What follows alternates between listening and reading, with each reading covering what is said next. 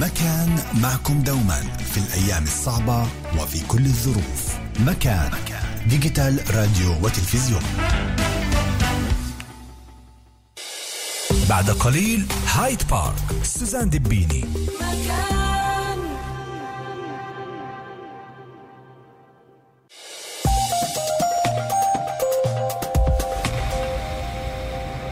في هذه الأيام ينتهي التأمين الوطني من دفع منحة لكل مواطن. إذا لم تكن قد تلقيت المنحة بعد قم بتحديث تفاصيل حسابك البنكي على موقع التأمين الوطني بسرعة وسهولة أو في المجيب الآلي 02 539 3733 بإمكانك أيضا الاتصال نجمي 8321 وتلقي مساعدة من مندوب الخدمة قم بتحديث تفاصيل البنك بأقرب وقت ممكن والمنحة في طريقها إليك רוח לאומי לצדך, ברגעים החשובים של החיים.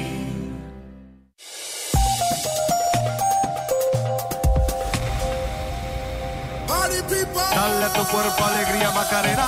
Four, three, two, hey,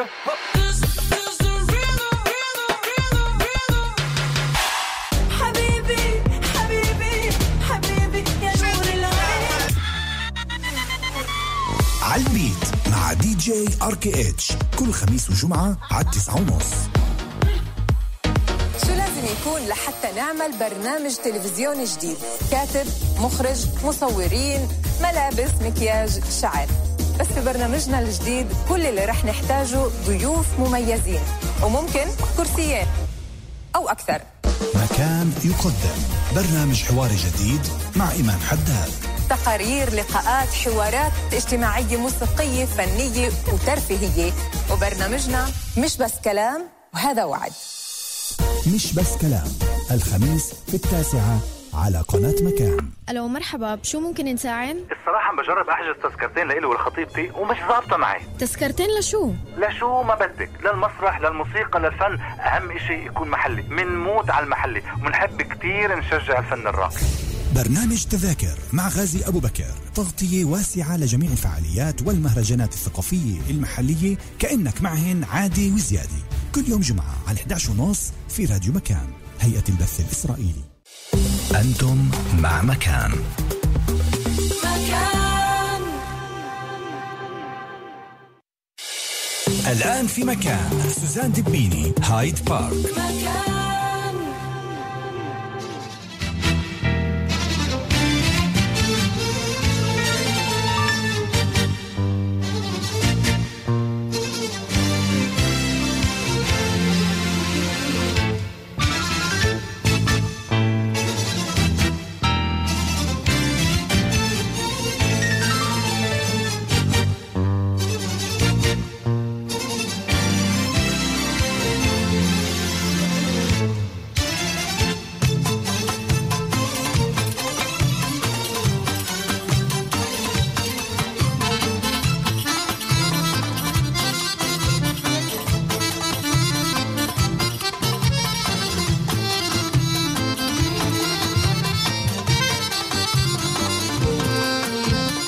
تحية مسائية عاطرة لجميع الأحباء المستمعين.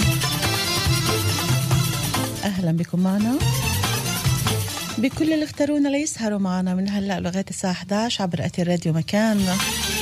في بث حي ومباشر وبرنامجنا الأسبوعي هايد بارك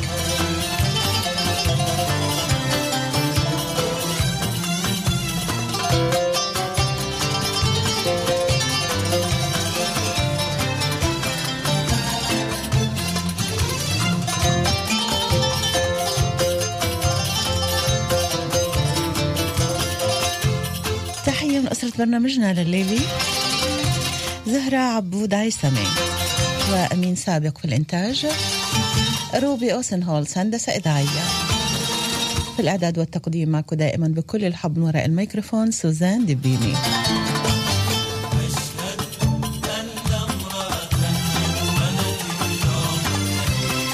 يا رضا الله رضا الوالدين. ورضاكم أحبائي.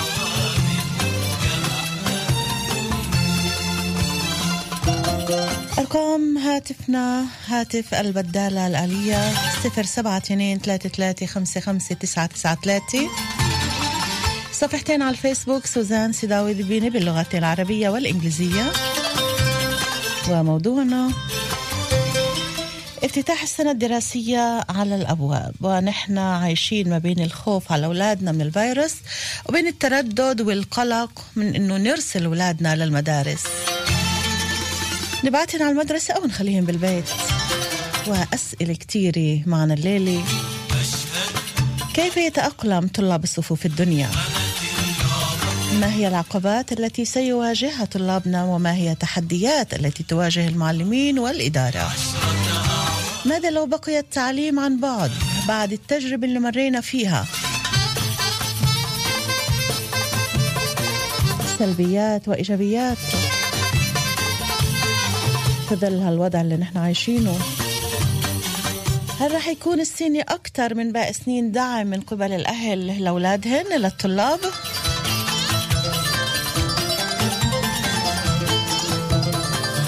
تساؤلات عديدة جدا.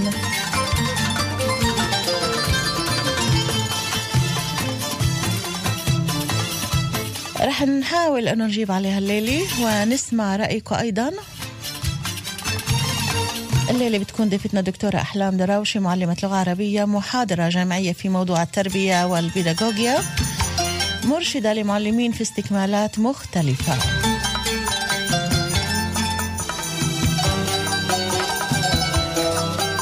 الوضع الاجتماعي والثقافي بشكل عام لحياة طلابنا. دور الأهل في صقل شخصية الطالب.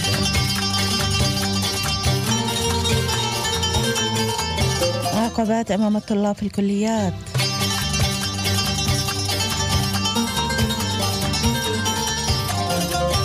صفر سبعة اثنين ثلاثة ثلاثة خمسة خمسة تسعة تسعة ثلاثة.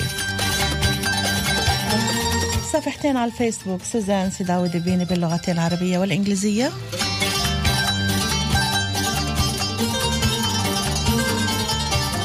أهلا بكم أحبائي.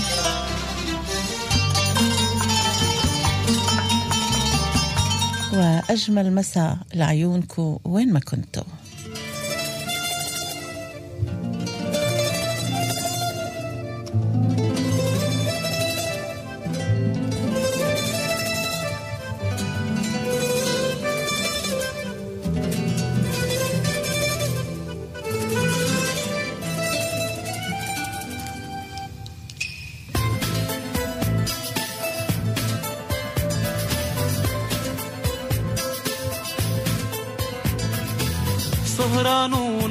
وناطر عينيك ناطر عينيك طيطلوا قلبي دقات ونار مش عارف شو اللي صار. أنا ليلي صار نهار ونسيت العالم كله. سهران وناطر عينيك ناطر عينيك طيطلوا قلبي دقات ونار مش عارف شو اللي صار. أنا ليلي صار نهار ونسيت العالم. كله بعدت الليالي قلبي عايدي بالسهر لحالي. وإنت اللي بعيدي ما بيهدى بالي وإنت وحيدي يا روحي. بعدت الليالي قلبي عايدي بالسهر لحالي. وإنت اللي بعيدي ما بيهدى بالي وانت وحيدي يا روحي. رغبة في العودة وخوف من العدوى.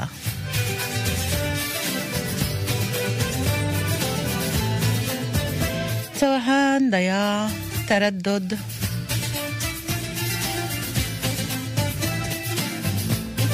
بداية السنة الدراسية.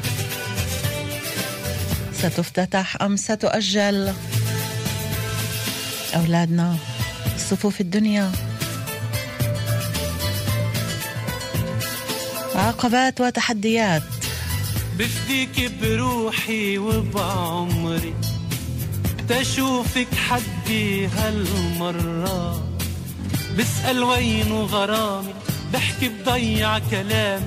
صارت مرة أيام بغيابك صارت مرة. بفديك بروحي وبعمري تشوفك حدي هالمرة. بسأل وينه غرامي بحكي بضيع كلامي. صارت مرة أيام بغيابك صارت مرة. بعد الليالي قلبي عايدي بسهر لحالي وانت اللي بعيدي ما بيهدى بالي. وانت وحيدي يا روحي بعد الليالي بدنا نمسي نحن وانتو على دكتورة أحلام دراوشة مساء الخير دكتورة أحلام. مساء النور.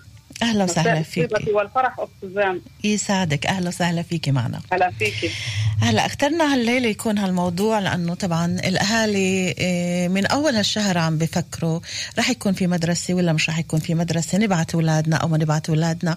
الفيروس هالموجه الثانية عم تيجي كتير أقوى من الأولى.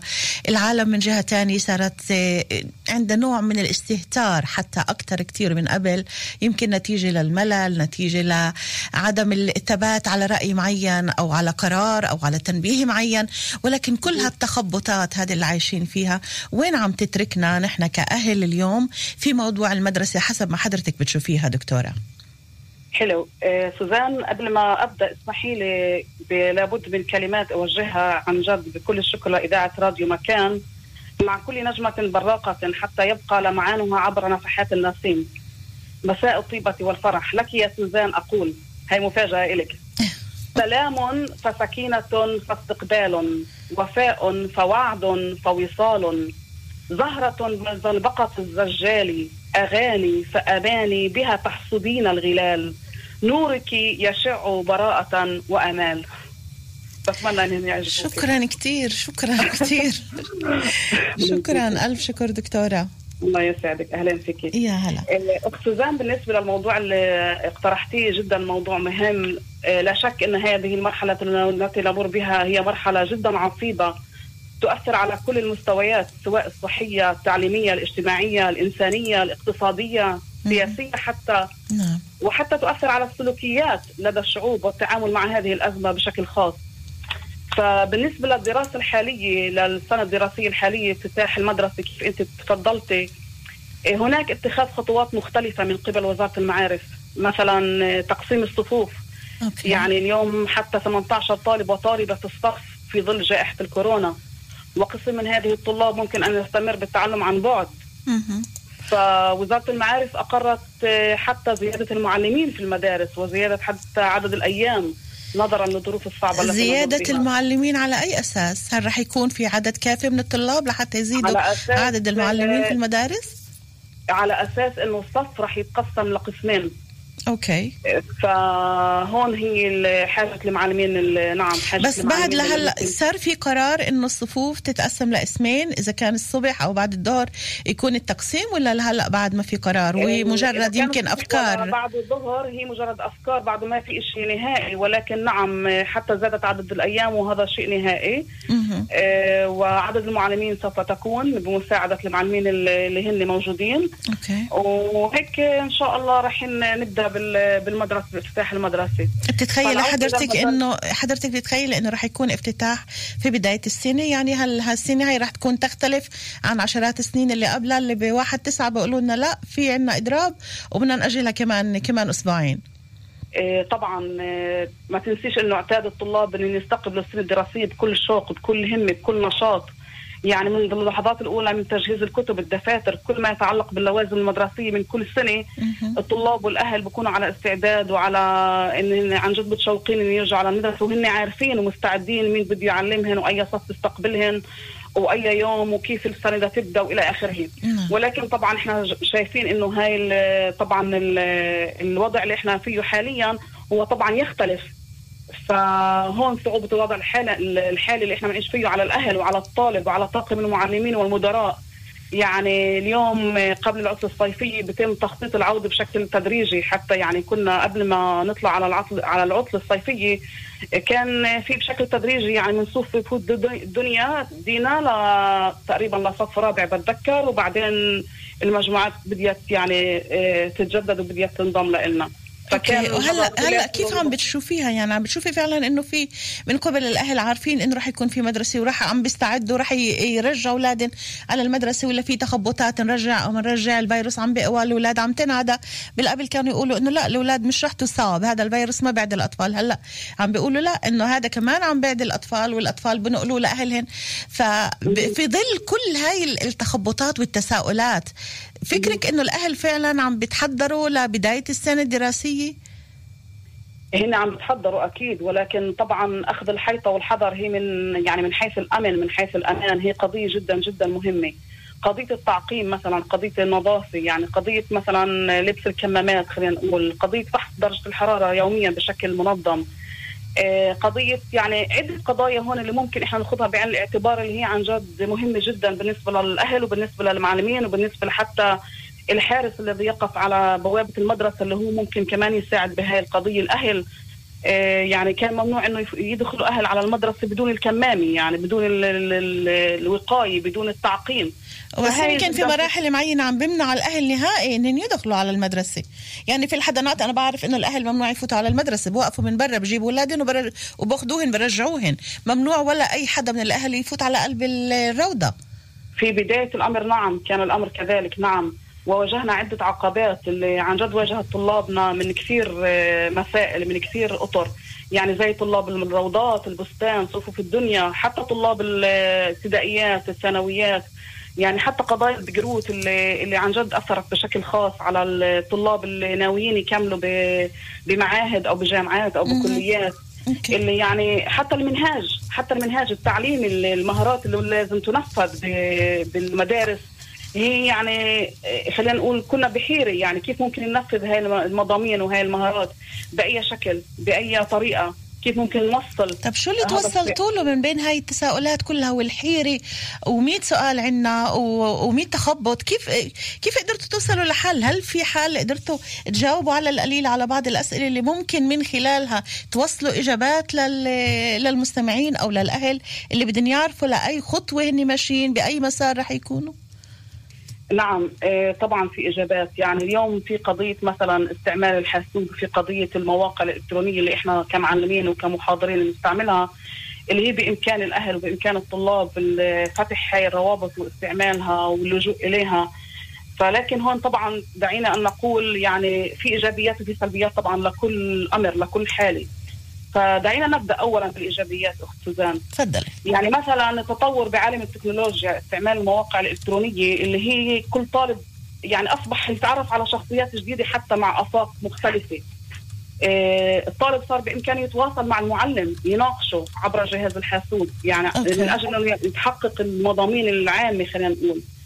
آه، تسجيل المعلمين للاستكمالات. تنسيش إنه المعلمين صاروا عندنا يعني بدهم يستكملوا بموضوع آه، معين.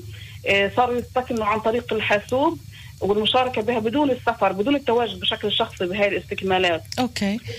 هلا عدة- لحظة لحظة خلينا خلينا نقطة نقطة. موضوع الاستكمالات بالنسبة لل للمعلمين والمعلمات عم بتشوفي إنه فعلا آه، رح يعني هن عمليا عن طريق الحاسوب باخذوا كل الفائدة المرجاة من هاي الاستكمالات ولا مجرد إنه إحنا okay من بنفوت وبنحاول وبناخذ المادة مثلهم مثل الطلاب. يعني في كتير طلاب اللي كانوا عم يتعلموا عن بعد ولكن مش نفس الشيء مثل ما بيكونوا على مقاعد الدراسة في المدرسة.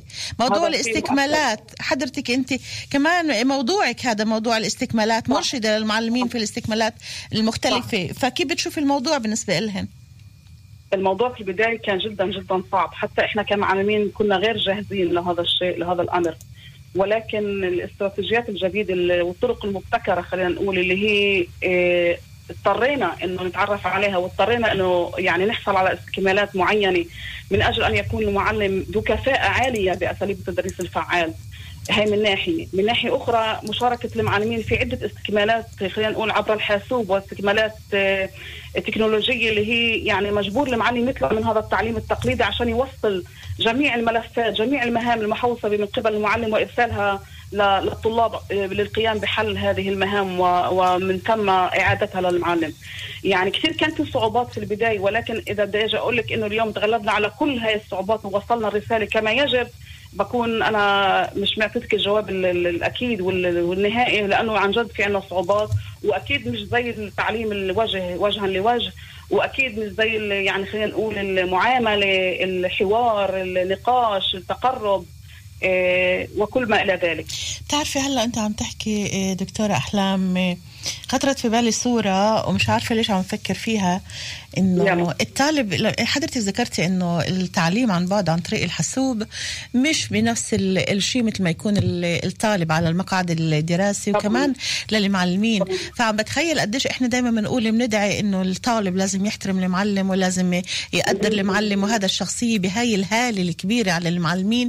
بينما فترة التعليم عن بعد كان المعلم يطلع يفتح ال- الزوم آه، يعطي يكون هو وال- والتلاميذ كل واحد في بيته قاعد مثل ما بده بالحالة اللي بده إياها في بيجامته في التريننج في اللي بدك إياه. يعني كمان هون تعالي تطلعي هلا على العلاقة كيف صارت بين الطلاب وبين المعلمين. يمكن كتير نزلت من قيمة آه، أو مقدار المعلم في عند الطلاب إنه ما إحنا إيانا كلنا قاعدين على على الزوم وعم نحكي وبنمزح وبنضحك مع بعض. ويمكن ما يكونش ال- المعلم كمان في لباس مناسب إنه يفتح زوم قدام كل طلاب الصف اللي يكونوا معاه.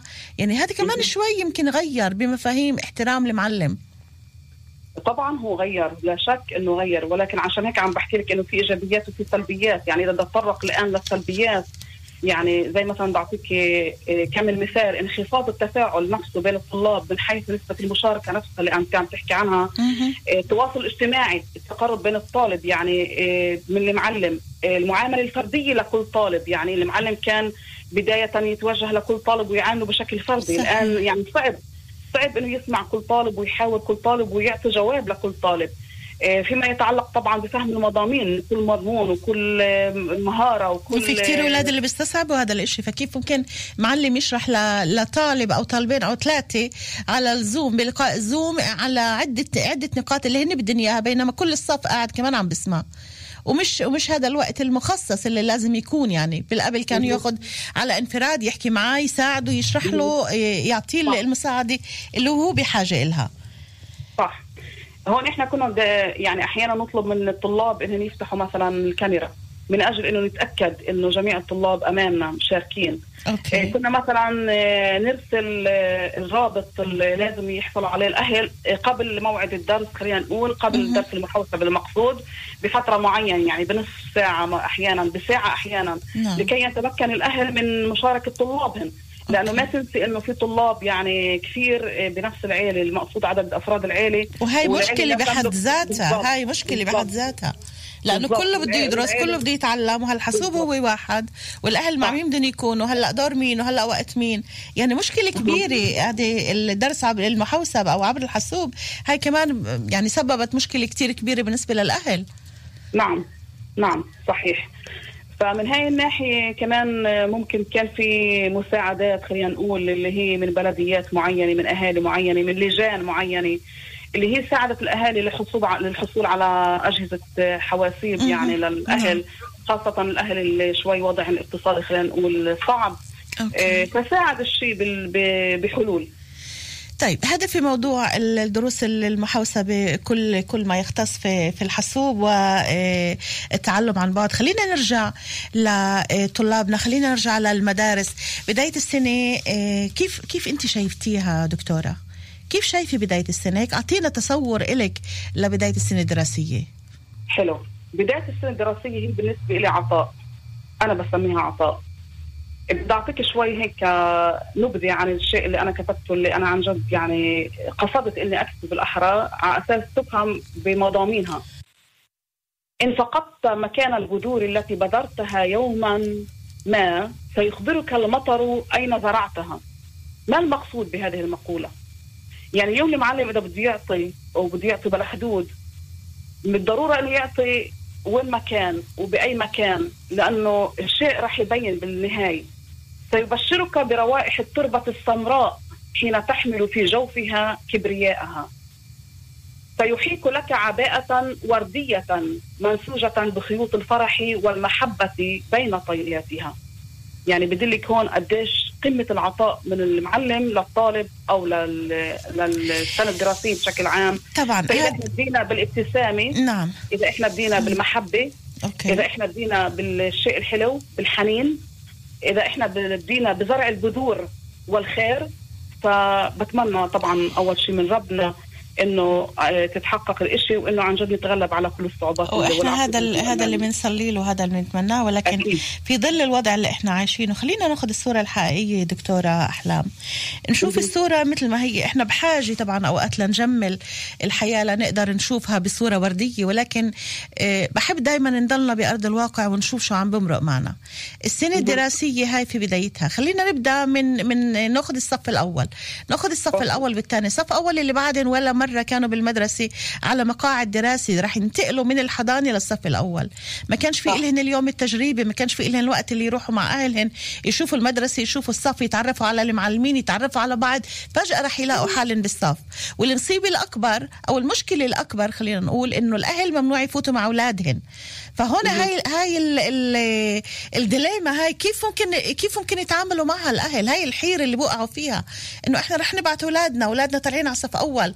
هالولد يمكن الخوف يتغلب على فرحته إنه هو طالع على صف أول لأنه ما كانش بالمدرسة ما كانش بهذا الصف ما بعرفش مين الأولاد اللي رح يكونوا معه أو ما بعرفش شو هو الصف الأول بالأساس. حلو. خليني أوضح لك نقطة اخت سوزان ولكل المستمعين. اولا صفوف ال- خلينا نقول صفوف البستان اللي هي راح تكون بصفوف الأول ك كبدايه السنة هن أول مرة بالسنه الدراسية للمدرسه الابتدائية أنا عم بحكي طبعا. هن آه، آه، كمدراء وكمعلمين استدعوا قبل ما نطلع على العطلة الصيفية استدعوا كل صفوف البستان البساتين انهم يزوروا ويقوموا بزيارة المدارس يعني يتعرفوا على. المدرسة يتعرفوا على الغرف. نعم. يتعرفوا حتى على معلمين الأوائل يعني الصفوف الأوائل وصفوف الثواني حتى هن قاموا بزيارتهن واتخذوا فع- عدة فعاليات عدة خطوات انهم يقربوا منهن يفهمين إنه هاي هي المدرسة هاي معنات صف هاي معنات كرسي هاي معنات ساحة يعني يفهموا بالضبط إيش هن وين جايين وين كل رايحين. المدارس كل المدارس قامت بهاي الخطوة إيه، نعم نعم يعني أنا بدي بقدر أقول لك إنه يعني 90% من المدارس قامت بهذا العمل. نعم. أوكي. هلأ بالنسبة للاهل الأهل اللي بدهن آه، يودوا أولادهن على المدرسة الأهل اللي المفروض إنه كمان يفهموهن موضوع ال- الحذر موضوع التنبيهات السلامة الكمامة التعقيم كل الأمور هاي. كيف رح يتم العمل فيها؟ مين رح يكون مسؤول عليها؟ الأهل ولا المدرسة ولا المعلم ولا الحارس اللي على الباب؟ كيف رح تتم؟ وأنا هون بدكم تعذروني إذا كان المستمعين أو حضرتك لأنه بدي أدخل بكل التفاصيل الصغيرة لأنه هالقد الإشي مهم وهالقد أكيد. بشغل بال الأم والأب وكل اللي عم يسمعونا. طبعا. إيه، من ناحية خلينا نقول الحذر إيه، نعم في كل مدرسة. كل المدارس العربية والمدارس اليهودية على حد سواء.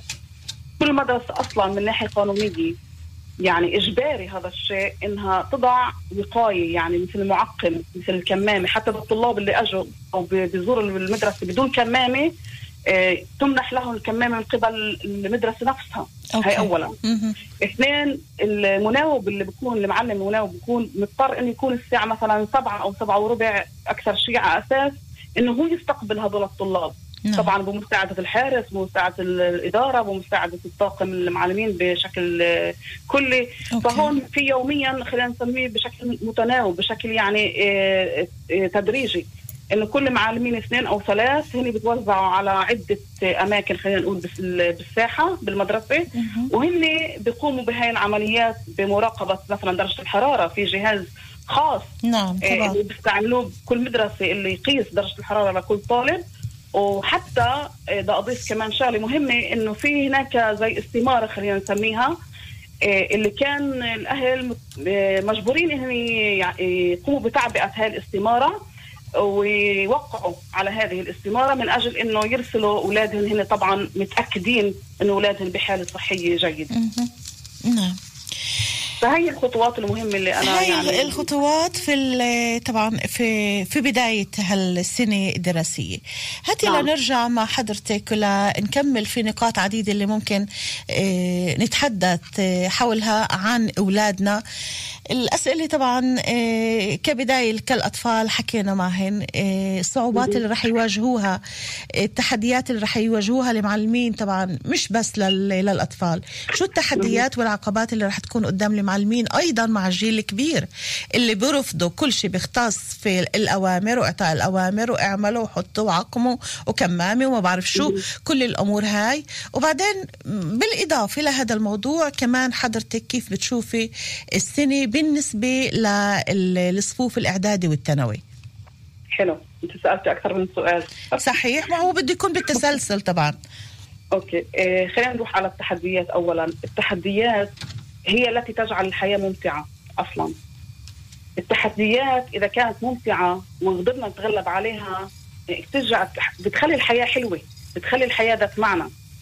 فهون بتعلق بالتحديات من قبل الطلاب ولا من قبل المعلمين ولا من قبل المدراء ولا من قبل وزارة المعارف نفسها ولا من قبل الأهل ولا من قبل البلديات. أنا بقدر أضم لك كثير. أشخاص بهذا الموضوع. okay. فالجمل اللي أقول لك إياها هون اللي, ب... اللي لها علاقة بهذا المجال.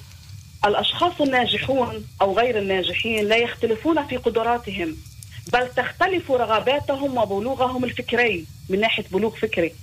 يعني الكل بالآخر راح ينجح سواء يعني إذا بكون عن جد عندهم رغبة بالنجاح وإذا بكون عندهم حافز للنجاح و- وأنا هذا يعني رسالة الدكتوراه تبعتي نعم. اللي هي تشجيع الطلاب آه، على التعلم آه، في المدارس الابتدائيه بالوسط العربي مهم. فمن هون يعني إنه لكل فئة عمرية لازم تترك أثر خلينا نقول جيد لازم تقوم بتحفيزهم ع- تحفيزهم على بذل ما في وسعهم من أجل تحقيق هذا المراد اللي هن كيف آه، كيف دكتورة؟ بأي بأي الطرق؟ بأي الأساليب؟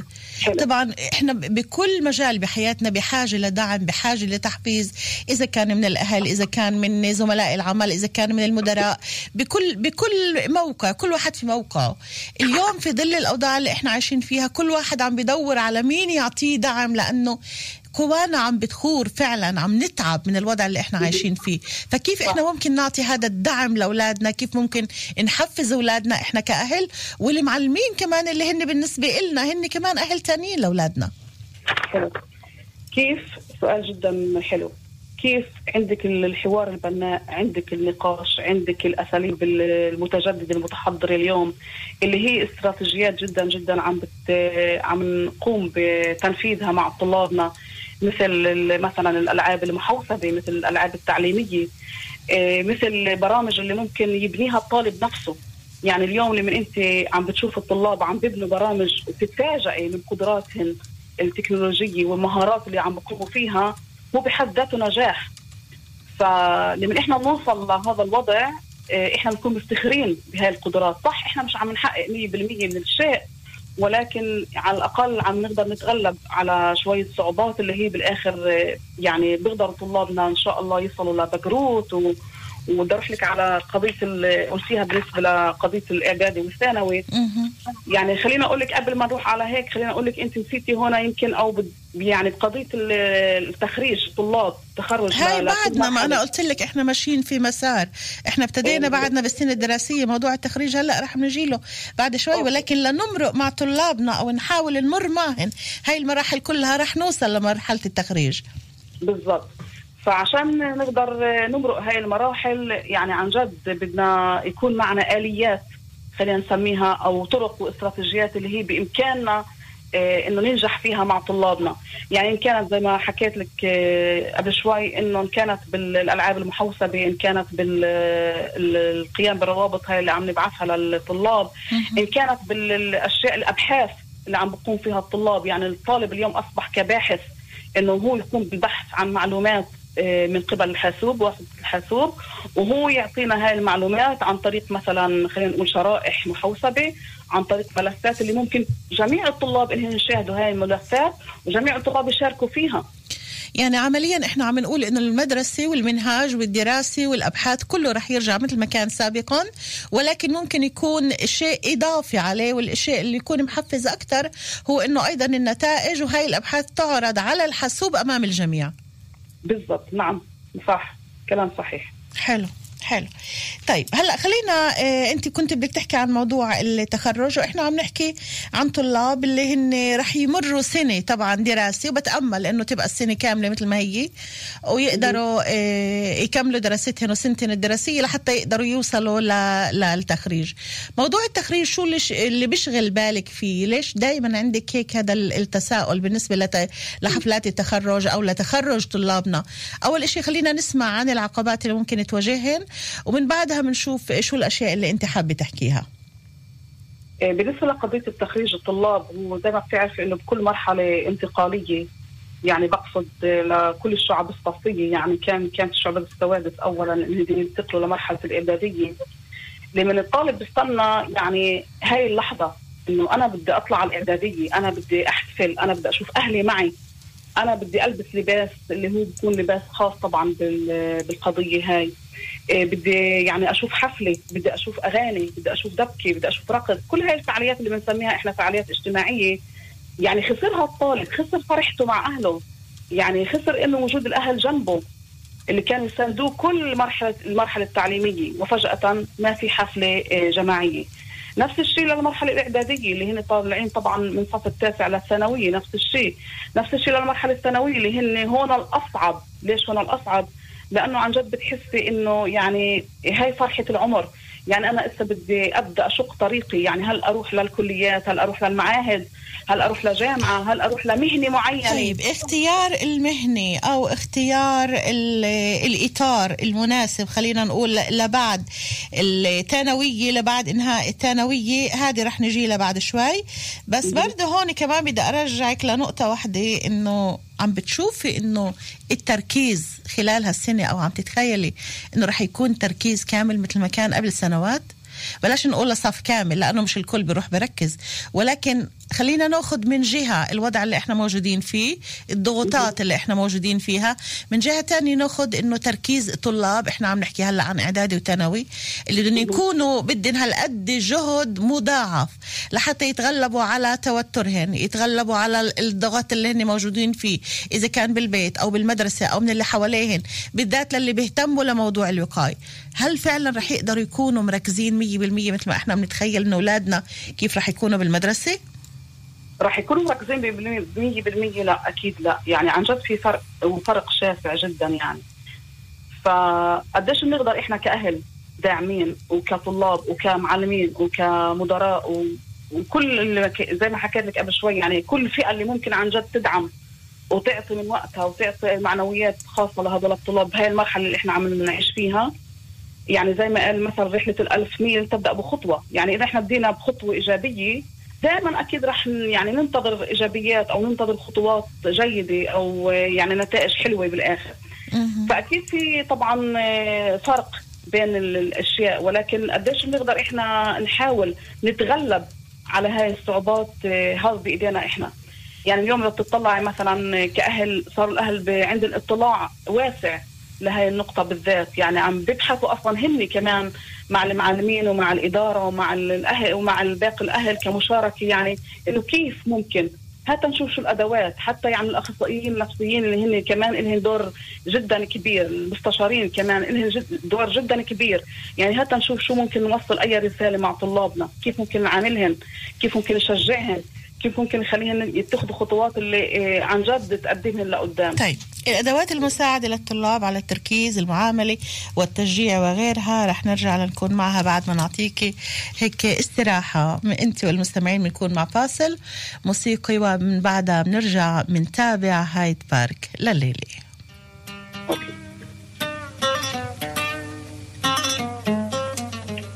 اسأل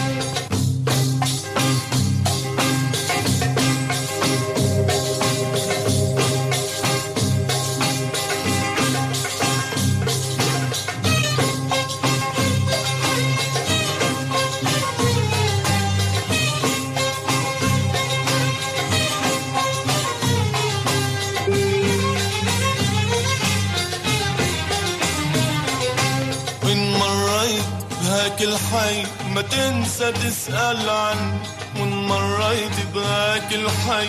ما تنسى تسأل عني والورد اللي دبلت كلك وقعت مني. والورد اللي دبلت كلك وقعت مني. وضاع الماضي شوي شوي وضاعت الدنيا مني. إن مريت بهاك الحي ما تنسى تسأل عني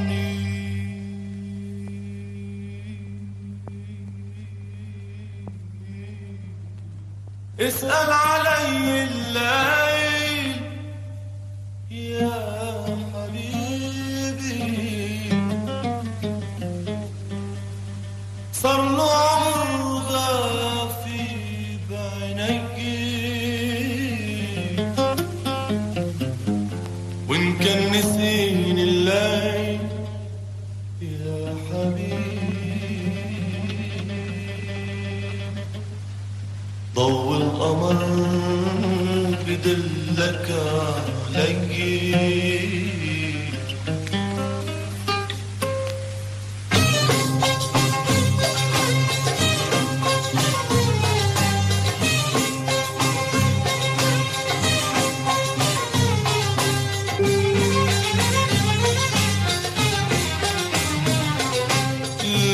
كنا ولاد صغار كتبت لك اسمك مرة لما كنا ولاد صغار كتبت لك اسمك مرة وحفرت عباب الدار وزرعنا وردة حمرا وحفرت عباب الدار وزرعنا وردة حمرا وقلت لي لو مهما صار ما بنساك ولا مرة. وكبرت الوردة بالدار. وانت اللي ما بتتذكرني.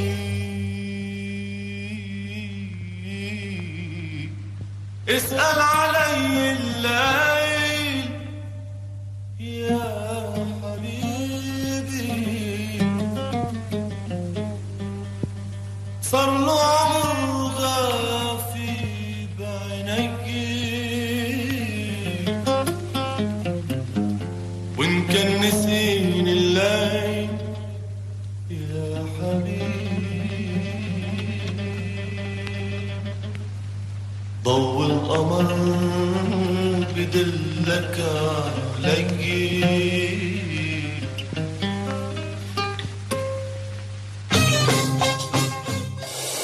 الآن في مكان سوزان دبيني هايد بارك.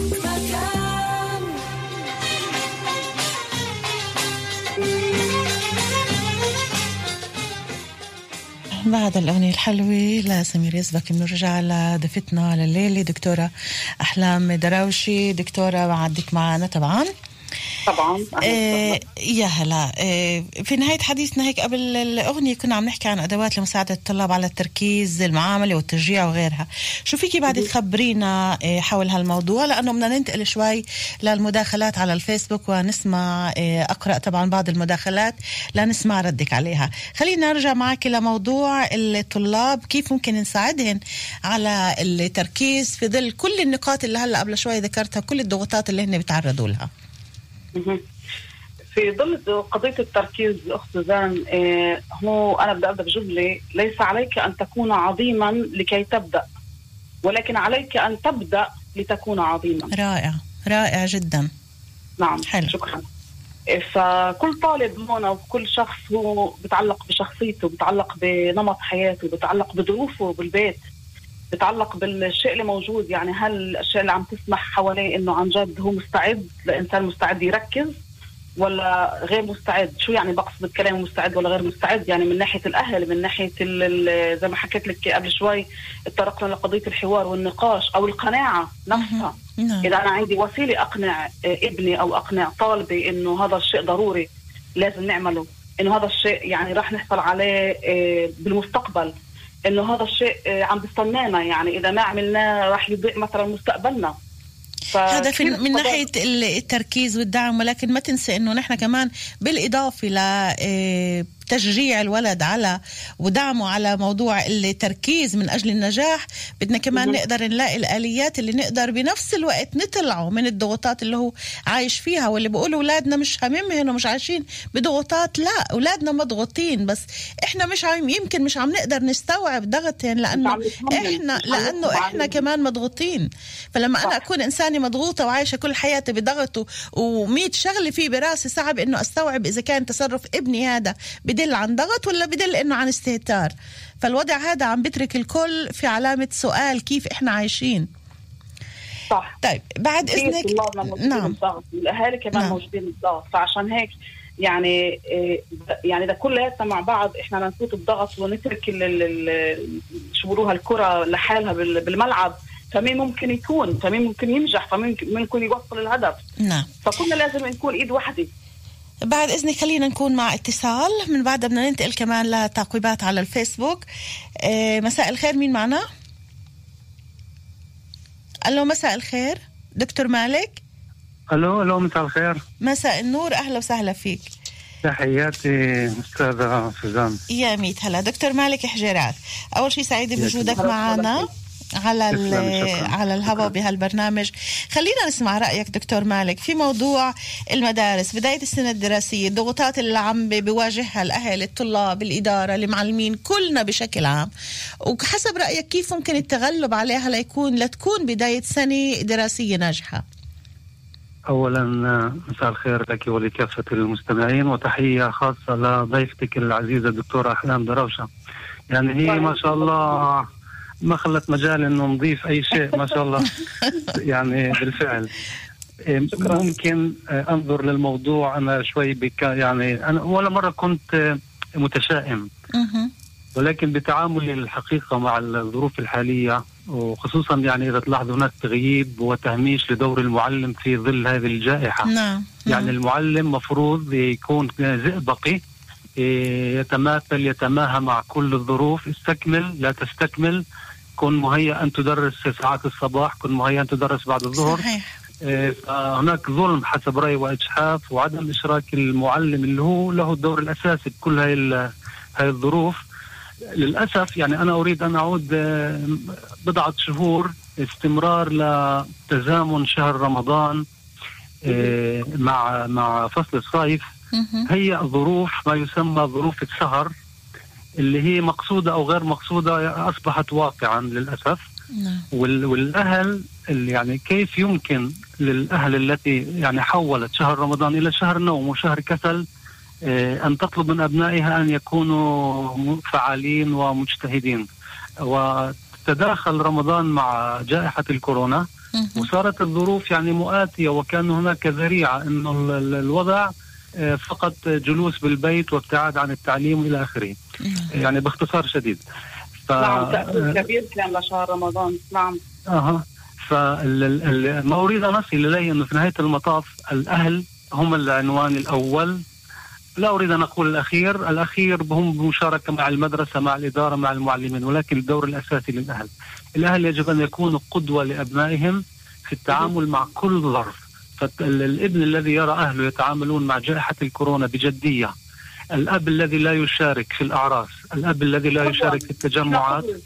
يجب أن يكون قدوة لابنه ويمكن أن يشرح لابنه أنه ممكن أنت يعني في مجموعات صغيرة في المدرسة تسمى كبسولة باللغة الدارجه العبريه فممكن إنه نتعامل يعني إحنا مجبورين نعود للمدارس حسب رأيي.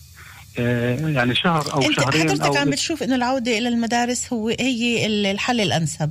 الحل الأمثل والأنسب ولكن للأسف أنا بمنظوري الواحد تسعى لا أرى الأمر يحدث يعني بشكل كبير. آه مش شايف يعني إنه رح يكون في عودة لا، باول لا، بأول السنة الدراسية. يعني راح يكون استمرارية للوضع المستهتر. لماذا أقول مستهتر؟ طبعا أنا أنا ضد التعميم يعني إلا من رحم ربي يعني. بس ال- المجتمع غير داعم. يعني الأولاد تلعب بالشوارع بشكل مثلا غير مراقب ولكن لما الشيء يتحدث عن المدرسة يتحول الموضوع إلى كارثة وكأنه. هذا اللي إحنا تحدثنا آه، عنه بالضبط. في من خلال برامجي. قبل كم من أسبوع أو يمكن قبل شيء شهرين إنه إحنا عم نقول إنه بدناش أولادنا ترجع على المدرسة وخايفين أولادنا ترجع على المدرسة. بينما بالشارع معلش إذا بيكونوا بالشارع. بالضبط. وإحنا إذا بنروح على سهرات معلش. وإذا بيكونوا. عند الجيران أولاد الجيران بيجوا عنا طب هذا هذا بحد ذاته تناقض. ليش المدرسة لا؟ وباقي الأمور آه. يعني لو كان التعلم عن بعد هو حل أمثل يعني بالفعل أنا كنت أول شخص أدعم هذه الفكرة بس التعلم عن بعد هو واحدة من يعني مئات الطرائق التعليمية اللي ممكن تقترح. بعدين التعلم عن بعد يعني يحتاج إلى إلى مهارات تعلم عن بعد. يعني الطالب يجب أن يكون مهيأ لكي يستطيع أن يتعلم عن بعد والمعلم يجب أن يكون مهيأ ليعلم عن بعد. فبرجع للملاحظة الأخيرة اللي ذكرتيها نعم. إنه إحنا يعني بدون ما يعني بدون ما يكون تكاتف اجتماعي تكافل اجتماعي بكل منظومة حياتنا حتى بالامتناع عن صلوات ال- اليوم الجمعة للامتناع عن التجمعات والمفتين يقولون بالصلوات حتى بالمساجد أو الكنائس أو كل ال ال ال الأماكن المقدسة الدينية إنه هي يعني آه الأصح في هذه الظروف أن تصلي في بيتك. آه الأعراس التجمعات كل هذه الأمور يجب أن يعني يعني الطفل يجب أن يرى أنه أنه أينما يذهب التعامل مع الكورونا هو في كل مكان يتناسب مع ما يسمعه في من من والديه ولكن لا يعقل أنه يسمع شيء و ويرى شيء ويعيش آخر. شيء ف... اخر ف... فإحنا يعني في القضية هي مستويين مستوى نفساني ومستوى عملي. المستوى النفسي أنا أعتقد بأنه جدا جدا مهمل. فهناك تخوفات هناك مفروض تهيئة. يعني لتقبل واقع جديد. يعني أنا لا أتحدث خلاني دكتور أذكر يعني دور الأخصائيين والمستشارين بالضبط. بالضبط. نعم. وال- والمدارس المفروض المدارس المفروض هي أكثر الأماكن امانا. يعني يعني آه، إذا كانت الأعراس تتطلب كيف كيف مصافحة ممكن تكون كيف ممكن يعني- تكون دكتور؟ كيف ممكن تكون المدرسة أكثر الأماكن امانا لما إحنا عم نحكي لا أنا عن قلت- طلاب؟ إحنا عم قلت نحكي عن أولاد. قلت, ال- قلت المفروض. المفروض ولكن هذا تمام. ليس ليس هذا لا الحال يتناسب مع الواقع. نعم، بالضبط. لا نعم. يتناسب مع الواقع. يعني زوري أي مدرسة اليوم بش... يعني بشكل عام ولو جينا يعني قمنا بزيارة مراحيض هذه المدرسة. نكتشف إنه الواقع جدا سيء. ومن هذا الباب آه، كثير من الأهالي تخاف على إرسال أولادها الصغار بشكل خاص. ولكن إذا تم التعامل مع مجموعات صغيرة إذا كان تم التعامل بتكافل وتكاتف بين المدرسة والأهل أظن آه، على فكرة يعني إحنا لم نذكر السلطات المحلية ابدا. يعني السلطات المحلية يجب أن تعمل ليل نهار لتهيئة المدارس ولا أرى ذلك على الواقع للأسف. فأنا أعتقد إنه مدارسنا غير مهيئة مع إنه المفروض أن تكون هي يعني بنفس الأمان المتوفر في البيوت. ف... أنا أنا أنا مستغربة من من هاي الجملة لأنه إحنا عم حتى نعرف لحظة قديش بهاي النقطة بالذات. نعم. إيه، بهاي بالذات. إنه آه، أنا شايفة يعني في يعني عدة مدارس اللي هي يعني وبحق إنها هي جاهزة خلينا نقول يعني ناحية- مفهوم جاهزه دكتورة؟ بأي مفهوم جاهزة جاهزه من ناحية من ناحية ال- الأمان خلينا نسميها. جاهزة من ناحية النظافة جاهزة من ناحية كيف تفضل الدكتور. يعني زرت عدة مدارس. أنا كمان كمحاضرة اللي شفت بعيني يعني إنه في مهم. أمور مثل مثلا آه، زي ما حكيت لك قبل شوي آه، قضية التعقيم قضية الكمامات قضية النظافة. يعني حتى عاملين النظافة صاروا يعني بساعات أكثر. يشتغلوا. نعم. آه، قضية مثلا آه، يعني إنه الأهل لما بيجوا بيجوا مع كمامة مجبورين يجوا مع كمامة ومجبورين هن بالبداية يعقموا ايديهم وبعدين يدخلوا. حتى يقيسوا الحرارة زي ما حكيت لك قبل شوي درجة الحرارة وبعدين يعني عشان نضمن. سلامة الطلاب. يعني في مراقبة خلينا نقول مش إنه الإشي يعني آه، معدوم قديش قديش. نسبة مدارس هاي هذا ال- ال- الإشي أيوة موجود بالضبط. أنا أعتقد دكتورة أن نسبة المدارس قليلة للمدارس، جدا. ما بقدر أحدد بال, بال. يعني وإحنا طبعا ما فينا نحدد ولكن أنا عم بطرح هذا السؤال لأنه أنت عم بتقولي إنه في نسبة من المدارس. أوكي نسبة من المدارس قديش؟ طبعاً. 2 5 10% شو مع باقي المدارس؟ شو مع باقي مع باقي مئات آلاف الطلاب اللي رح يتواجدوا في المدارس الأخرى؟ أنا بدي أطلب من حضرتك ومن دكتور مالك تبقوا معنا بس لنا لبعد نشرة الأخبار. بعد الأخبار رح نرجع نواصل مع حضراتكم التنين إذا بتعملوا معروف. إن شاء الله. okay. فاذا أحبائي المستمعين إحنا رح نطلع هلأ لنشره أخبار العشرة ونص. من بعدها بنرجع بنواصل هايد بارك لغاية الساعة 11 معكم ومع ضيوفنا مع الدكتوره أحلام دراوشي وانضم لنا بهالمرحلة أيضا دكتور مالك حجيرات. كل اللي صار وبتنسى إنك حبيت كل اللي صار. ابقوا معنا ما تروحوا بعيد. ولما بتفتح باب الدار لتسأل على أهل البيت. رح تكشع اسمين صغار وبترجع تتذكر.